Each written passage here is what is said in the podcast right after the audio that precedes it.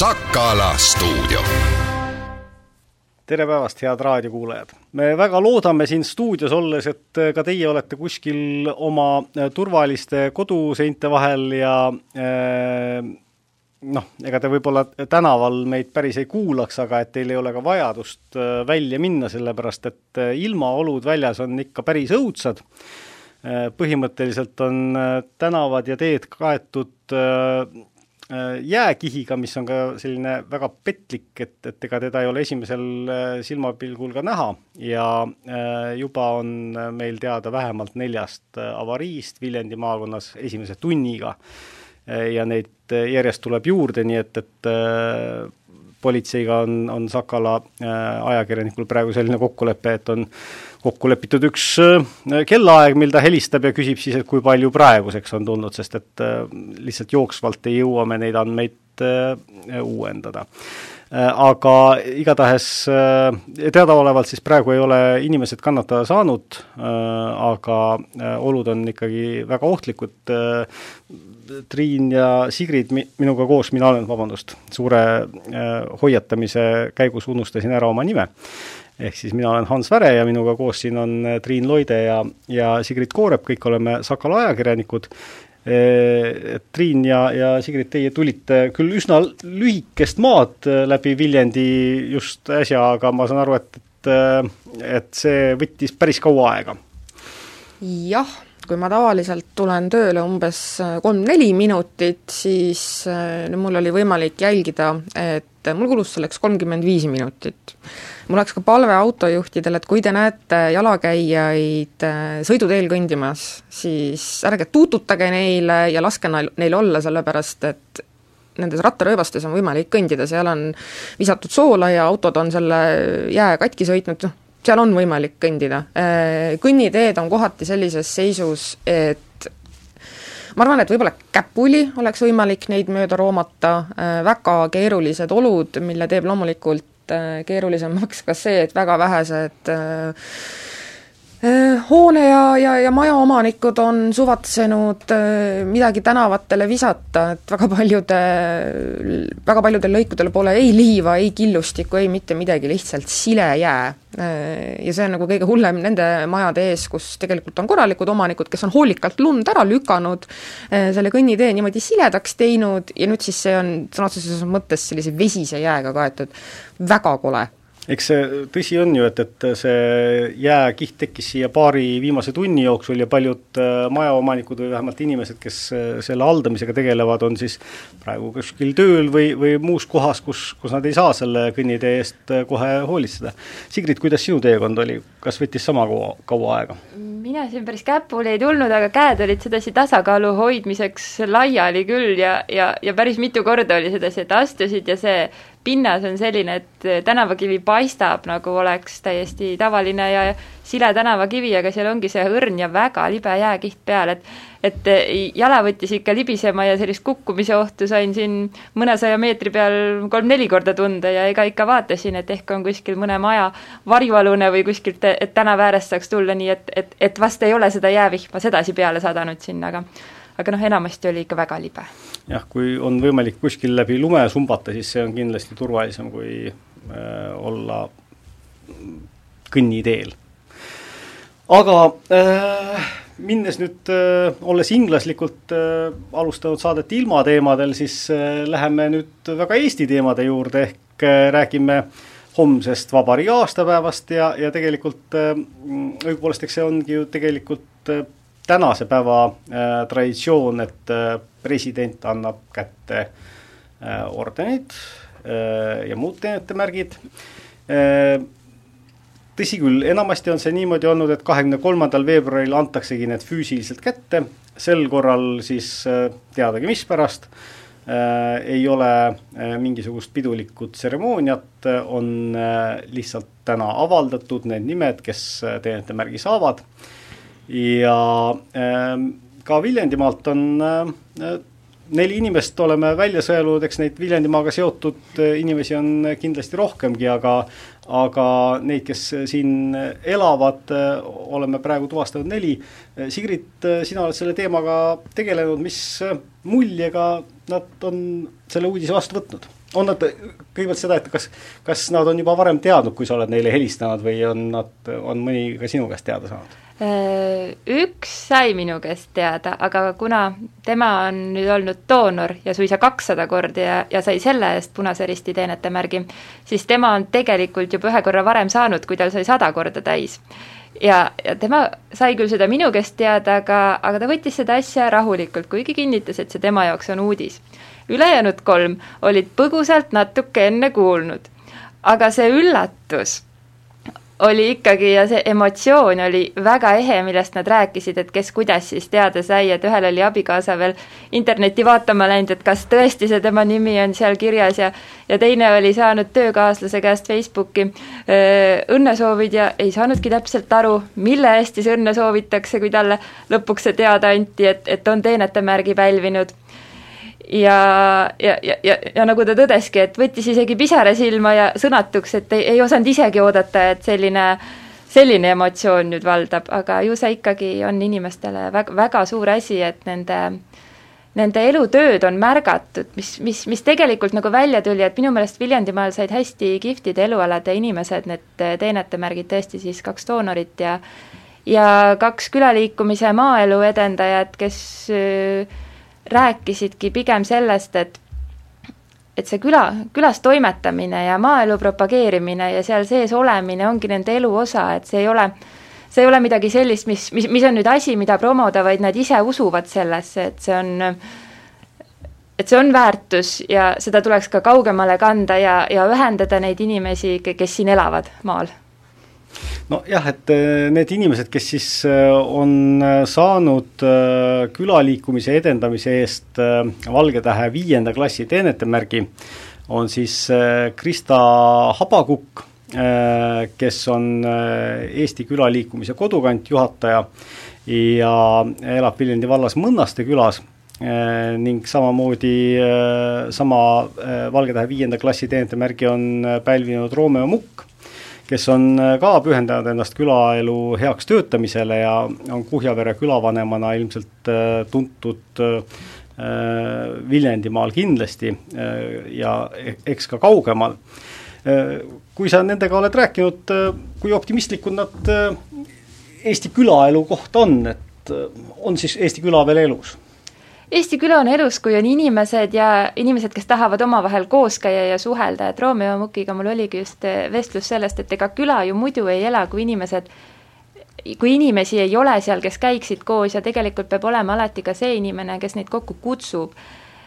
et oleks see olukord ja põhjus, miks kokku tulla, et sestap ka see möödunud koroona-aasta on veidikene nukraks olukorda teinud, et inimesed ei,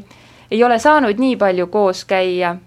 sest et muidu oli, olid neilgi aasta alguses Kuhjaverel, Kuhjaveres äh, kolme kuningapäeva koosolekud, kus üheskoos põletati kuus, kuuski ja räägiti, mis on tehtud ja mis tulevikuplaanid on, oli tulemas ka külavanema vastuvõtt, aga ka see jääb ära, et, et tegelikult need ühised sündmused, mis kogukonda liidavad, on külas hästi olulised, sellepärast et paraku Äh, elatakse ju laiali, et ei ole nagu kortermaja, et kõik on käe-jala juures, äh, teised inimesed ka, vaid tihti jääb kilomeeter kaks isegi vahele,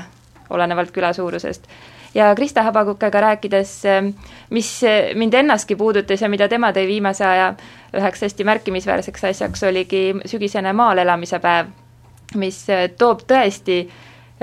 rahvast liikuma ja vaatama, et mis siis ka maal toimub sest et äh, tihti ei saagi olla eesmärk, et inimene nüüd tuleb maal elamise päevale, et hops, ma tahaks nüüd linnast maale kolida, vaid, vaid just, et see, see tekitabki huvi, et mis, mis seal tehakse, mis seal toimub, et ongi kas või selline huvipäev, et kus, kus sa lähed vaatama. ja, ja teine asi, mis jäi veel tema jutust kõlama, on, et et tegelikult eh, linna ja maaelu peaksidki käima käsikäes, et üks toetab teist, et neid ei saaks äh, Äh, saaks erinevat rada mööda käi-, käima panna, kuna Eestis on ka tõesti selline ainulaadne fenomen, et kus paljudel meist ongi kaks kodu, on linnakodu ja maakodu, ükskõik, kas see on siis endal ise soetatud või on vanemate või vanavanemate oma, kus siis ikka suviti või puhkuse ajal käiakse. mis tõsi küll, mujal Euroopas ei pruugi olla nii tavaline, kui meil siin on ja nagu sa ütlesid, siis äh, on äh, teine kategooria, kes aumärke said on äh, doonorid ja Viljandimaalt on siis Lembit Kipper kakssada üks korda, eks ole, ja Valeri Stepanov sada üheksa korda, või on sinna ka vahepeal midagi juurde tulnud? Temal oli, oli, oli ikka sada üheksa korda, nagu ma aru sain. jah, et tegelikult see on ikka aukartust äratav äh, kogus verd, et, et kakssada korda, see tähendab ikka kaheksakümmend liitrit juba. no just,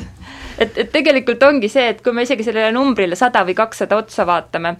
et see on lihtsalt number, aga kui mõelda, et äh, aastas tegelikult äh, tavaliselt saaks ju verd anda kolm-neli korda, et see on aastatepikkune järjepidev otsus käia, käia doonorina verd andmas. Ja mis mõlemad mehed ka rääkisid, et tegelikult doonor olles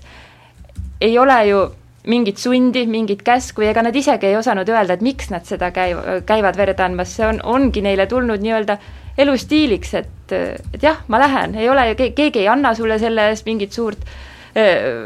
suurt raha või sa saad sealt heal juhul väikse šokolaadi, aga aga see pole see, mille eest käiakse, vaid see ongi mingi enda sisemine tunnetus, et ma lähen. Nojah, eks sellega on ikka päris palju elusid äh, need inimesed päästnud ja, ja sellega kindlasti riigi äh, tänu, mida siis presidendi äh, antav teenetemärk väljendab, äh, väga ära teeninud. Meditsiinivaldkonnast äh, äh, võiks edasi minna äh, selle juurde, et kui doonoritele pannakse süstal siis vee- või nõel veeni ja võetakse sealt verd välja, siis, siis praegu on väga palju inimesi, kes tahaksid, et et süstal torgataks käsivarde natukene ülalpool lihasesse ja süstitaks sinna siis eelistatavalt ilmselt Pfizeri äh, vaktsiini, aga äh, saada on siin ka mõned teised, mm, nüüd äh, hiljuti alustati ka Viljandimaal õpetajate vaktsineerimist AstraZeneca äh, vaktsiiniga, siin tänane Õhtuleht, kui ma õigesti mäletan, siis kirjutas sellest, et, et päris palju on tulnud just AstraZeneca kohta inimestelt tagasisidet, et nende kõrvalnähtuste kohta ehk siis korraks nagu, korraks jääb inimene põhimõtteliselt nagu haigeks väga sageli, et on kas peavalu, vahel ka palavik ja lihasvalu ja muud sellised asjad. kas, Sigrid, kui sa sellest kirjutasid, kuulsid sa ka siin sellelaadseid muresid õpetajate käest või, või vaadatakse pigem ikkagi sellele kui ainult väga heale võimalusele? pigem jäi mulle kõlama seisukoht, et seda vaktsiini ikkagi enamus tahab, et tõesti, et kui me räägime ka AstraZeneca puhul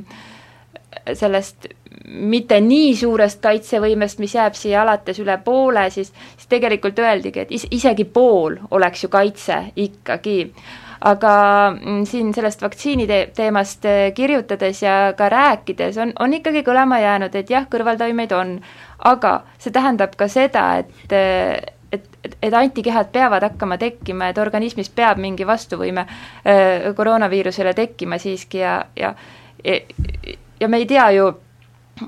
mis, mis see kõik endaga lõpuks kaasa toob, kui me haigeks jääme, et et võib-olla see väike palavik, mis kestab ühe päeva, kaks päeva,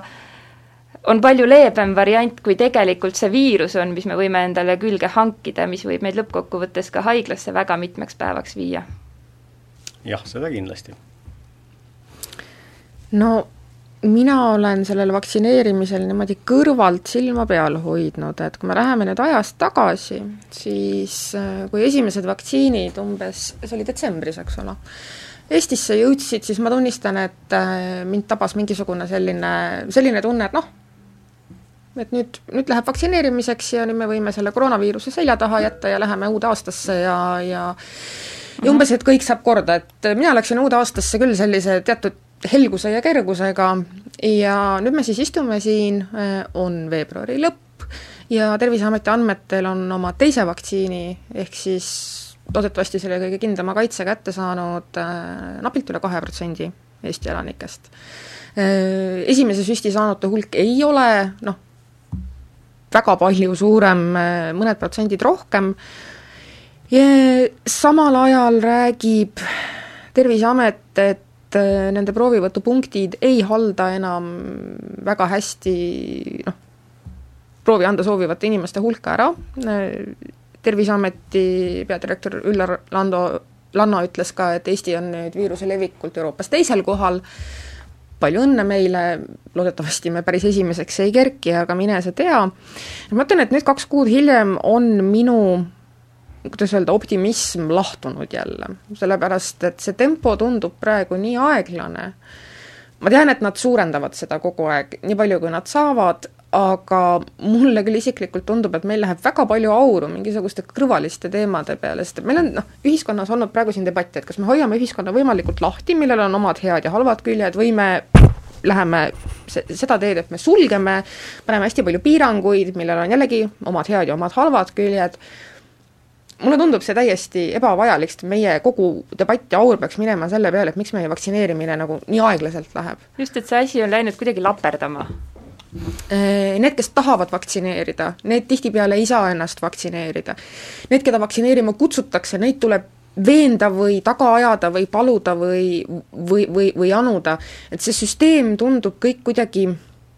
ülereglementeeritud või või, või, või, või, midagi sellist. et ähm, noh, minu hea kolleeg Alice Lokk kirjutas oma koroonakogemusest tänases Sakalas ja, ja, ja ma võin öelda, et noh, et mina olen siis see tema lähikontaktne, kes koos eaka vanaemaga elab, äh, eakas vanaema ootab väga seda vaktsiini äh, ja meie perearstikeskusesse see ka peaks neljapäeval jõudma, millal järg temani jõuab, ei tea, ja ega me ei saanud ka teda kuidagi niimoodi, kuidas öelda, tagavara nimekirja panna, et on ju see mõte, noh, kogu aeg räägitakse, et inimesed jätavad tulemata, siis otsi tagant neid, keda vaktsineerida, e, ega seda võimalust ka väga ei ole, et e, paneks ennast kuskile niimoodi kirja, et helistage mulle kas või kesköösel, ma olen kümne minutiga kohal, või noh, tänaseid ilmaolusid arvestades kolmekümnega jah, täiesti nõus, et siin äh, selle ühiskonna lahtihoidmise koha pealt on äh, väga palju vaidlusküsimusi, et mis siis aitab ja mis siis ei aita. vaktsiinide kohta on meil selge, et see aitab ja, ja nende äh, kaitsepookimiste ärategemine peaks olema võimalikult äh, hästi, sujuvalt äh,, kiiresti korraldatud äh, Kaja Kallas, peaminister, viskas täna kivi eelmise valitsuse kapsaaeda, kus ja, ja ütles seda, et, et, et tegelikult oleks pidanud see äh, vaktsineerimiskava olema välja kuulutatud äh, või kokku pandud juba tunduvalt varem, mitte, mitte nüüd äh, siin viimastel kuudel. ja eks, eks ta tõsi on, on arusaamatu, et miks sellega noh, mõnes mõttes ma ka muidugi mõistan seda, et, et, et kuni ei ole teada täpselt, mis vaktsiin on, kuidas see töötab, noh näiteks Pfizeri puhul äh, ju me teame, et, et et pikka aega peeti seda äh, peeti vajalikuks hoida seda seitsmekümne miinuskraadi juures, mis on logistiliselt väga keeruline. nüüd hiljuti tuli siis välja uuring, et tegelikult seda ei ole üleüldse vaja nii külmas hoida. Äh, aga noh, et, et, et kui on nagu sellised tehnilised tingimused, siis see muidugi, mida, mida ei pruugi teada ja, ja, ja siis ei ole, ei ole teada ka seda, et kas üks süst või kaks süsti või kuidas need täpselt toimivad ja ja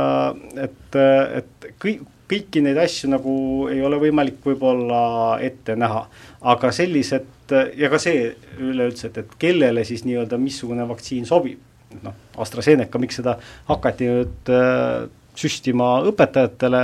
üks põhjuseid oli ju see, et, et äh, vanadele inimestele see ei sobi mm. -hmm et noh, et, et sellised, sellised äh, kohad muidugi on, mis äh, vajavad arvestamist, aga üldjoontes oleks pidanud see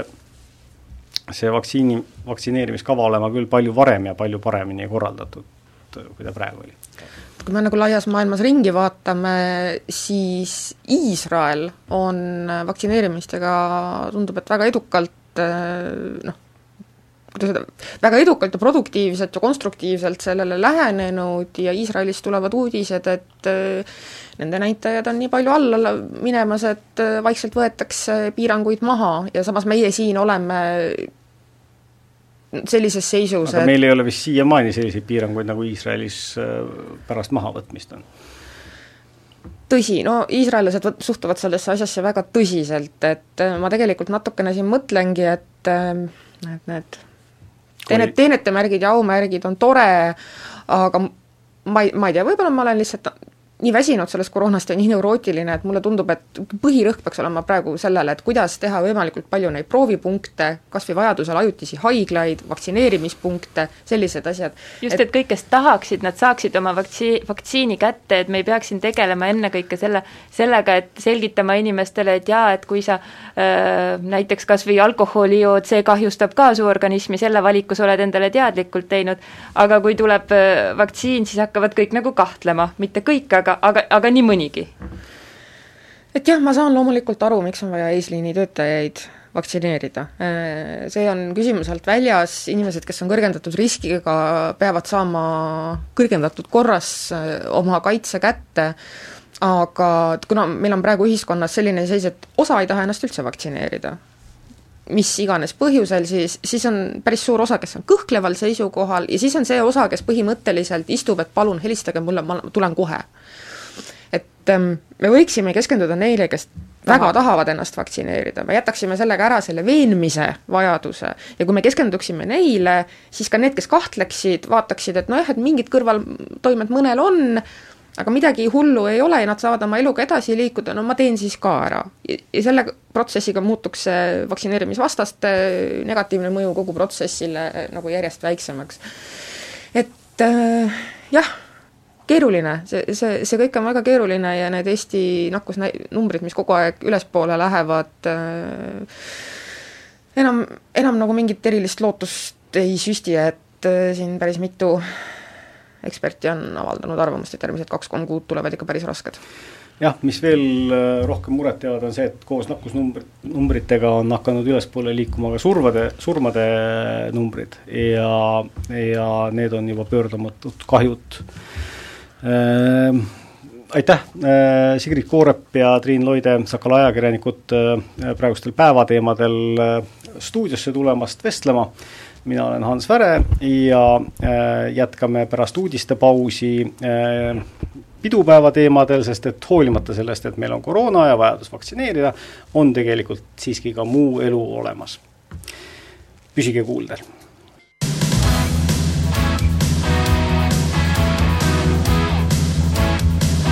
Raadio Kuku.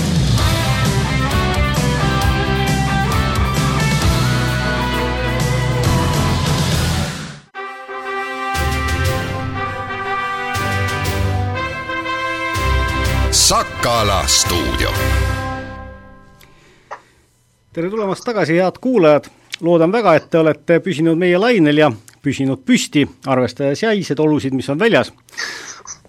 meiega on telefoniliinil nüüd liitunud Viljandi muuseumi direktor Jaak Pihlak, inimene, kes on ühest küljest Viljandimaal Vabadussõjas hukkunute mälestussamba rajamise üks peamisi vedajaid ja teisest küljest ka üks, üks neid inimesi, kes ilmselt teab Eesti Vabadussõjast Äh, rohkem, kui, kui tõenäoliselt tegelikult teadsid isegi need mehed, kes sellest osa võtsid, sest et ega see info võib-olla nii, nii äh, süstemaatiliselt ja laialt äh, ka ei levinud.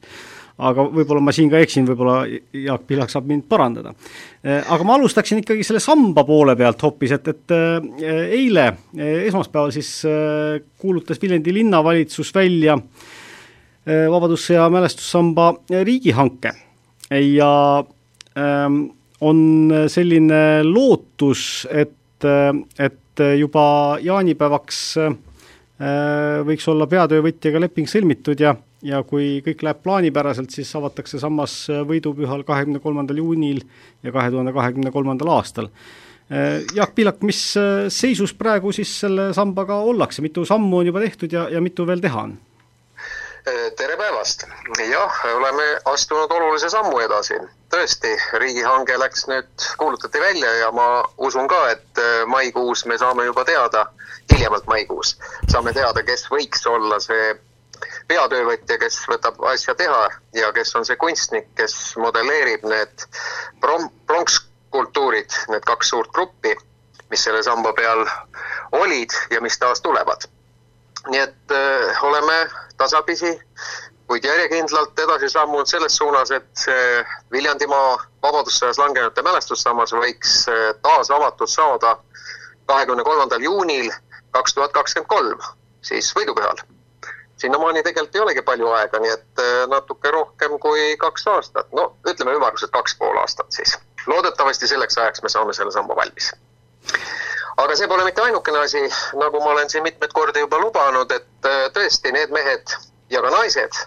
õnneks küll neid oli, naisi oli õnneks vähe, aga enamus olid puhamehed, kes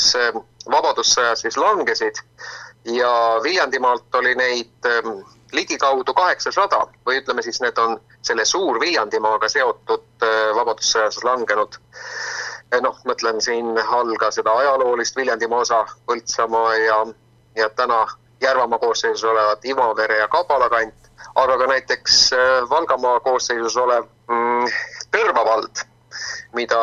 me rohkem nagu teame, seda piirkonda noh, rohkem Helme kihelkonnana et kõik need olid omaaegne Viljandimaa. Ja nende langenud on ka arvatud siia hulka. nii et see kaheksasada on muljetavaldav number. Ja ma loodan, et selleks ajaks äh, suudan valmis kirjutada raamatu, kus siis on kõigi nende meeste ja ka naiste elulood kenasti kirjas, et me ometi lõpuks saaksime teada, kes olid need, kes oma elu andsid Eesti vabaduse eest no selle jaoks, et see eh, sammas püsti saaks, on eh, vaja ka raha, praegu on teada siis seda, et, et riik on andnud pool miljonit eurot ja on kogunenud ka annetusi kolmekümne tuhande ja kahesaja euro jagu, see on nüüd siis kaheksateistkümnendal veebruaril on selline, selline väljavõte tehtud kas on teada, kui ja. palju siia peaks juurde tulema või kui palju selle kuju rajamiseks vaja võiks minna umbes? Äh, ma tean seda, et, et ka Viljandi vald on otsustanud toetada ja ka Põhja-Sakala vald ning äh, Mulgi vald. Need ülekanded vist ei ole veel tänaseks päevaks neil tehtud, aga need volikogud on sellised otsused teinud ja sealt tuleb ka päris mitu head äh, kümmet tuhandet. nii et see summa küünib juba kuskil seal viiesaja seitsmekümne, viiesaja kaheksakümne tuhande kanti loodetavasti. aga raske on muidugi öelda täna seda, mis see hind võiks sellel olla, seda on prognoositud erinevalt ja mm, noh, ütleme viimased numbrid, mis ma siin kuulnud olen, et see võiks jääda kuskile sinna viiesaja ja kaheksasaja tuhande vahele, see maksumus ma väga loodan, et inimesed äh, kindlasti on valmis ka siia panustama, sest äh, nii nagu jutuks oli sellest raamatust, kus nende langenute elulood sisse tulevad, sisse tulevad, sinna tulevad ka need nimed, nende inimeste nimed, kes siis selle samba taastamise hüvanguks on nõus ka oma raha panustama. nii et äh, igal juhul on siin üleskutse, et kõik, kes annetavad, saavad ka raamatusse raiutud oma nimega e kas äh, olete ka uurinud, et kui palju on üleüldse sellise töö tegijaid, ma küsin seda sellepärast, et kui on olnud siin debatt äh, selle Mati Karmini kuulsa, kuulsa samba ümber, et siis äh, on öeldud ka midagi taolist välja, et noh, et, et tegelikult ei olegi äh,, ei olegi selliseid skulptoreid, kes suudaksid sellist äh, pronksivalu teha, nagu, nagu äh, kunagi Amandus Adamson need kujud modelleeris. et, et olete te selles äh, osas mingisugust eelkuulamist juba teinud? no nii pessimistlik ma meie Eesti äh, skulptorite suhtes küll ei ole. ma olen täiesti veendunud, et Eesti skulptorite hulgas on väga professionaalseid ja heal tasemel mm, kujureid, kes suudavad ka modelleerida tõesti kõige kõrgemal tasemel ja kõige suurema kvaliteediga ka inimkujusid, mitte ei tee ainult abstraktseid mm, mälestusmärke, nii et ma selle üle küll ei kahtle ka mitte, et, et meil ei leiduks. aga küsimus ongi, kelle töö on parim ja eh, eks nagu öeldakse, ilu on alati vaataja silmis, et kes arvab, et nagu ühtemoodi on etem või teistmoodi, kes tahaks nagu saada võimalikult tõelähedast, aga võib-olla mõni kujuritest näeb ka mingit nagu oma vaatevinklit nende asja juures, nende asjade juures. kas siin on ma, võimalik mingit äh, oma siiski tikun arvama, et lähtutakse põhimõttest, et äh, see sammas taastatakse sellisel algsel kujul, nagu ta oli loodud tuhande üheksasaja kahekümne kuuendal aastal. kui me räägime, kui me räägime koopia tegemisest ju, siis, siis see peakski olema sama, et, et siin ei saa olla niimoodi, et, et äh, skulptor hakkab äh, mõtlema, et ta teeb natukene nüüd selle, selle lembitu või sõduri seal ilmekama no mine tea, võib-olla väikeseid nüansse kindlasti sisse tuleb, sest ega, ega samba aluski päris täpselt selline ei tule. ta on natuke kaasaegsem ja arvestab ka seda ümbritsevat keskkonda seal. E, kui töörühm siin üheteistkümnendal veebruaril koos istus Raekojas ja vaatas üle seda kavandit, mis siis esitati 3D vormis, siis jäi küll kogu see seltskond seal väga rahule selle selle lahendusega, mis oli nagu pakutud ja mis arvestabki väga hästi just seda, seda keskkonda, mis seal on, seda uut Vabaduse platsi ja, ja kogu seda, seda ala. nii et ma usun küll, et eh, kindlasti meil leidub häid kujureid, kes suudavad teha väga kauni ja hea monumendi eh, kes sinna komisjoni kuulusid, et, et on seekord seal välistatud eh, sellised möödalaskmised, nagu olid Joala kujuga, et, et asjatundjaid nagu ei olegi? No praegune komisjon, töörühm on ikkagi volikogu poolt moodustatud ja, ja sinna on siis kaasatud ka, äh, ka inimesi, kes äh, esindavad teisi omavalitsusi. et need vaatasid nagu need hanketingimused üle. eraldi tuleb veel nagu komisjon, kes otsustab siis selle, selle nii-öelda hanke puhul laekunud nii-öelda pakkumiste üle aga praegune komisjon oli, noh jah, võib muidugi öelda, et, et seal oli ka mm, poliitikud, aga kõik poliitikud on ka ennekõike inimesed ja kõigil neil on ka oma nägemus asjast. aga ma pean ütlema küll, et äh, peale suuri vaidlusi, mis seal oli, nad ei olnud küll nüüd väga teravad, aga ikkagi äh, detailide üle vaieldi ja arutati ühte, teist ja kolmandat.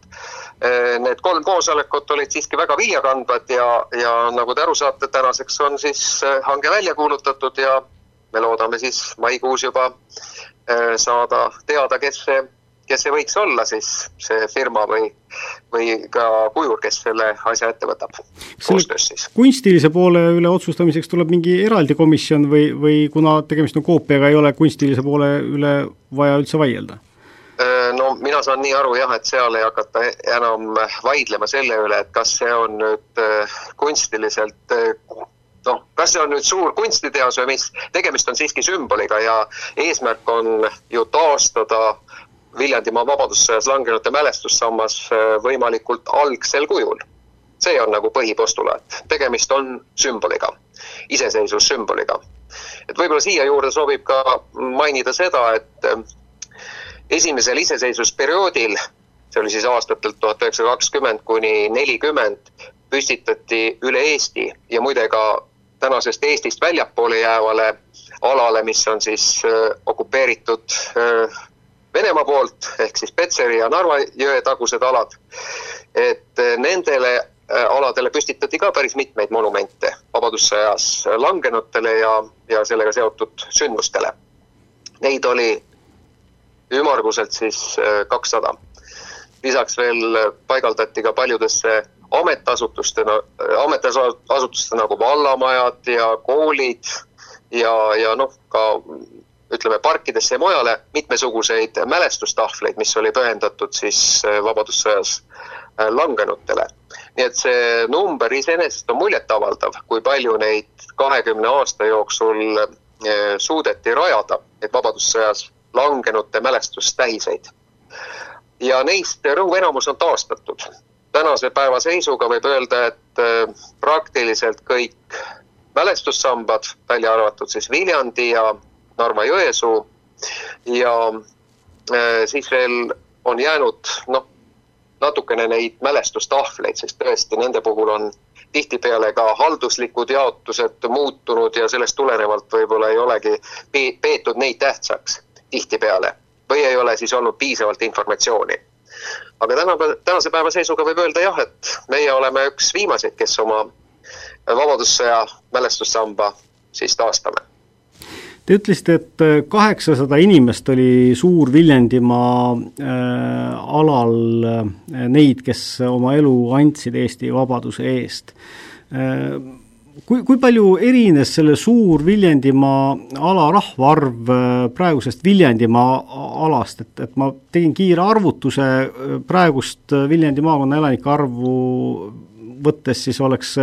kaheksasada inimest, kaheksasada hukkunut oleks kaks protsenti elanikkonnast. ja me räägime siin just nimelt ju hukkunutest, mitte nendest, kes äh, sõjast osa võtsid, äh, said võib-olla haavata või, või rääkimata siis sellest, keda, keda see mõjutas mingil muul moel. Äh, tõsi ta on jah, tollane Viljandimaa oli ka rahvaarvult oluliselt suurem. see suur Viljandimaa, millest me siis räägime nüüd. et mul ei ole küll täpseid andmeid hetkel käes eh, kohe võtta, aga ma hindan selle suurusjärgu kuskil seal kaheksakümne, üheksakümne tuhande peale. tollal ju inimesed elasid siiski eh, enamuses maal. linnades oli elanikke vähe. Tallinn oli veel suhteliselt pisikene linn, noh, nii sada tuhat. Ja, ja Tartugi oli seal oluliselt veel väiksem, kui ta praegu on. nii et eh, see Viljandimaa oli tõesti Eh, Eesti mõistes arvestatav eh, suurus ja see number kaheksasada ei märgi mitte ainult neid, kes lahinguväljal langesid, vaid ka neid, kes eh, näiteks surid siis sõjas saadud hädadesse, näiteks tüüfuse epideemia, igasugused muud düsenteeriad, kopsi, kopsupõletikud ja nii edasi, nii edasi. või siis, kes mõrvati, sest Punaarmee sooritas ju Vabadussõja aega juba ja mitmeid mõrvu, kus tapeti massiliselt inimesi ja neid juhtus ka siinsamas Viljandimaal. ja paljud inimesed, kes kas olid siis, siis võetud siit äh, kaasa ja kuskil siis tapeti näiteks Valgas või Tartus või kuskil mujal. Nii et äh, neid inimesi, kes olid otseselt seotud äh, Viljandimaaga, oli tõesti muljetavaldavalt palju. et see suurusjärk kaheksasada, mul see andmebaas muidugi täieneb ja paraneb siin veel sest kontrollimise käigus tuleb ju ühte kui teist jälle ilmsiks. et võib-olla on mõni mees, kes tegelikult ei olnud Viljandimaaga seotud, aga aga tema tee oli kandnud ühel hetkel siia ja ta oli siin lihtsalt lahinguväljal langenud. ka sellise inimese me peame arvestama oma eh, Viljandimaa langenud, langenute hulka Viljandimaal oli väga suur osa Eesti riikluse sünni juures, sest et siit oli pärit väga palju nii riigipäid, peaministreid, ka, ka kõrgeid sõjaväelasi. kuidas see suhtarv on ka sellesama sõja ohvrite osas, et kas, kas Viljandimaa oli ka siin sellises kurvas esirinnas? Äh, nii võib öelda jah, et äh, ütleme siis esimese kolme hulgas võiks seda öelda, et Viljandimaa, äh, Virumaa ja Tartumaa, noh, need olid sellised suuremad maakonnad siis, et kus siis kõige rohkem nagu neid ähm, langenuid, sõjas surma saanuid oli. no ka Pärnumaa, aga kui me täna võtame selle Mulgimaa osa, antud juhul siis Halliste ja Karksi kihelkond mis ähm, täna on ju Viljandimaa koosseisus, siis oli nagu Pärnumaaga oluliselt suurem. et ka seal oli palju Vabadussõjas langenud, aga jah, tõsi, Viljandimaa oli üks neist, äh, mis kannatas äh, inimkaotuste läbi äh, vast kõige enam nende mainitud Viru ja, ja Tartumaa kõrval. et see number oli suur, arvestades veel seda, et tollal ei olnud ju massihävitusrelvi ja, ja peamised surmad olid ikkagi siis kas püssikuuli läbi või siis tõesti taudide, haiguste ja hädade kaudu saadud siis see viimne lahendus nii-öelda. kui palju see tol ajal ju äh, möllas ka Hispaania gripp, äh, kas see oli Just. ka Eestis sel ajal? jah, see oli juba Eestisse jõudnud ja ka siin äh, Äh, mitmetel tolleaegsetel surmakannetel on just märgitud ka, et äh, suri Hispaania grippi. et see oli läinud nagu juba liikvele, see mõiste. aga noh, neid muid haigusi oli siin ju veel, et ega siis düsenteeria oli näiteks, mida ma olen tähele pannud, mis oli ka väga levinud surmapõhjus ja muidugi tüüfus erinevates vormides, see oli suur taud, mis levis just eriti üheksateistkümnenda aasta lõpus ja, ja kahekümnenda aasta alguses, juba peale Vabadussõda. Ja paljud äh, sattusid just selle tõttu Malala teele, et, et neid tabas see haigus teenistuse ajal äh, sõjaväes, kus juba oli nii-öelda kohe-kohe koju minek, aga ennem jõudis see taud nendeni ja nad surid. Ja ka need on Vabadussõja ohvrid kuigi ta võib-olla, see inimene suri alles äh, märtsi või aprillikuus tuhat üheksasada kakskümmend. kuivõrd oli üleüldse sel ajal võimalik, eriti veel sõjaseisukorda arvestades, äh, võimalik äh, pandeemiaga võidelda? kas sellist sõna üldse teati nagu pandeemia või oli see lihtsalt üks taud ja katk ja, ja jah, seda nimetati ikkagi äh, taudiks, et äh, meid tabas taud. millal tuli sõna pandeemia äh, kasutusele, on raske öelda, seda teavad ehk keeleteadlased kõige paremini. aga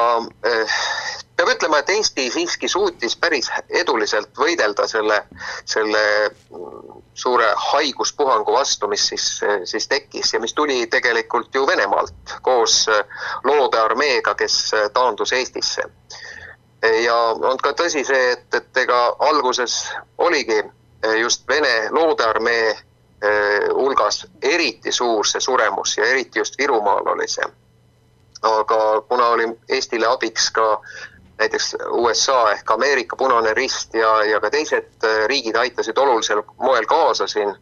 olgu nende siis tarvikute, ravimite, mille, millega iganes, siis suudeti see ikkagi suhteliselt kiiresti lokaliseerida see äh, taud ja, ja selle tulemusena siis äh, saati, saadi nagu kogu asi kontrolli alla. aga muidugi oli ka oht, et see võib üle kogu riigi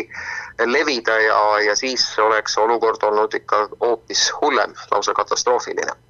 nii et äh, tollastele meditsiinitöötajatele, arstidele tuleb öelda väga suur tänu ja tunnustus, et nad suutsid ikkagi Eesti, Eestis selle taudi kontrolli alla võtta aga jah, ka Viljandimaa mehi ja ka naisi oli, kes ähm,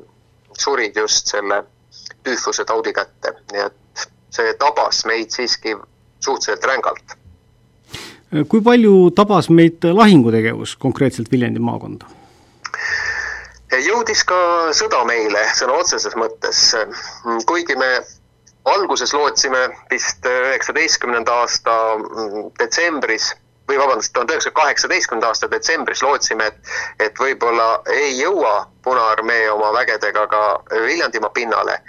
Eh, seda ta siiski jõudis. kui vaadata sinna põhja poole, Põltsamaa kanti, siis kes on sõitnud Põltsamaalt Jõgeva peale, siis on üks selline väike küla nagu Aidu.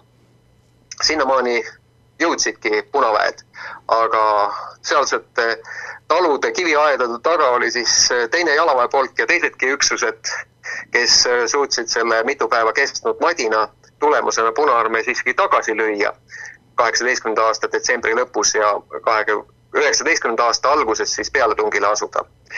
hulga hullem oli tegelikult Lõuna-Viljandimaal. Äh, see äh, lahingutegevus, mis tabas terveks kuuks ajaks või natuke isegi jah, ümmarguselt kuu aega. detsembri lõpus jõudis Punaarmee siis Helme alla valutades tõrva ja, ja ka Kärstnani välja. ja seal oli siis tõesti väga veriseid lahinguid ja, ja sõna otseses mõttes ka Punaarmee sooritas ühe massimõrva, mis eh, tehti siis tuhande üheksasaja üheksateistkümnenda aasta alguses, kolmandal jaanuaril, kui Kärstna teederistis asunud kõrtsis tapeti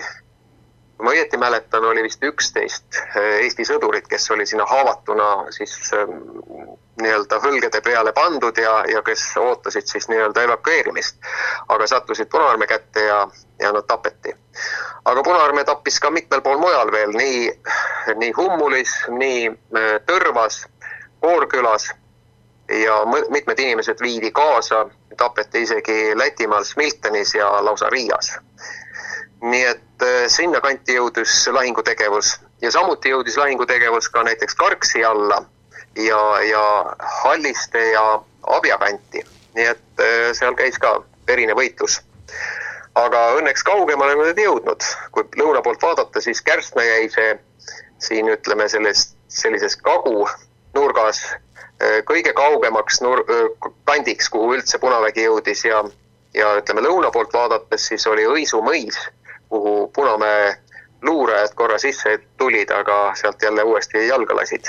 üheksateistkümnenda aasta jaanuari esimestel päevadel. nii et saime ka otseselt siis tunda seda lahingutegevust ja, ja, ja verd ja surma meil on veel mõni minut jäänud, ehk jõuate paari sõnaga kirjeldada ka seda, milline oli elu nii-öelda tagalas, ehk siis millist elu elas Viljandimaa see osa, kus parajasti ei olnud lahinguid või, või kui ei käinud lahinguid, oli, oli see selline suhteliselt normaalne või valitses puudus toidust ja muust sellisest? no äh, nagu aru saada võib, et ega mm, sõjaoludes, eriti siis, kui ei ole veel suudetud kogu väge äh, mobiliseerida ja, ja relvade alla panna, on ju kõigest puudus. ja nii otsiti ka taludest äh, tuge ja abi nii meeste näol kui ka igasuguse riidevarustuse kui ka, ka relvastuse näol, sest tihtipeale meestel oli ka relvi olemas. ühesõnaga kõike, mis vähegi võis abiks olla, noh, toidust rääkimata aga muidugi ka selge oli see, et, et paljud inimesed, eriti jõukamad, kartsid Punaarmee pealetungi ja mitmed ka evakueerused näiteks Viljandist kaheksateistkümnenda aasta detsembri viimastel päevadel ja isegi üheksateistkümnenda aasta esimestel päevadel. ja selle puhul pidi siis ka sõjavägede ülemjuhataja korrale kutsuma, ülemjuhatajaks oli teadaolevalt Viljandi mees kindral Johan Laidoner, et ei ole mingit õigust oma kodusid maha jätta ja tuleb asuda oma kodu kaitsele. aga selge on see, et tollases oludes jah, valitses suur puudus ja see oli suur ime, et suudeti sellest rahvaväest, mis alguses oli tõesti nagu inimeste kari, suudeti formeerida löögivõimas rahvavägi, kes siis tegelikult ju lõi Punaarmee tagasi ja ja kellele me oleme täna väga tänuvõlgu selle eest, et meil on iseseisev Eesti riik. kui ei oleks olnud neid ligi sada tuhat Eesti meest ja ka naised, kes astu-, oleksid astunud relvaga käes vaenlasele vastu, siis on meil täna küll väga raske öelda, kas järgnevad kakskümmend aastat iseseisvust oleks olnud või mitte. ma arvan, et ei ole, ei oleks olnud. ja tänu sellele on ka meil täna nüüd olemas oma riik taas aitäh, Viljandi muuseumi direktor Jaak Pihlak nendest äh, Vabadussõja teemadest rääkimas, oleme tänulikud inimestele, kes meile vabaduse välja võitlesid ja, ja oleme õnnelikud ka sel raskel ajal selle eest, et meil on vaba Eesti. soovin kõigile õnne ja tervist äh, ja kuuleme teiega taas näga-, nädala pärast, mina olen Hans Väre-Sakala peatoimetaja, helipuldis oli Kaie Mölter.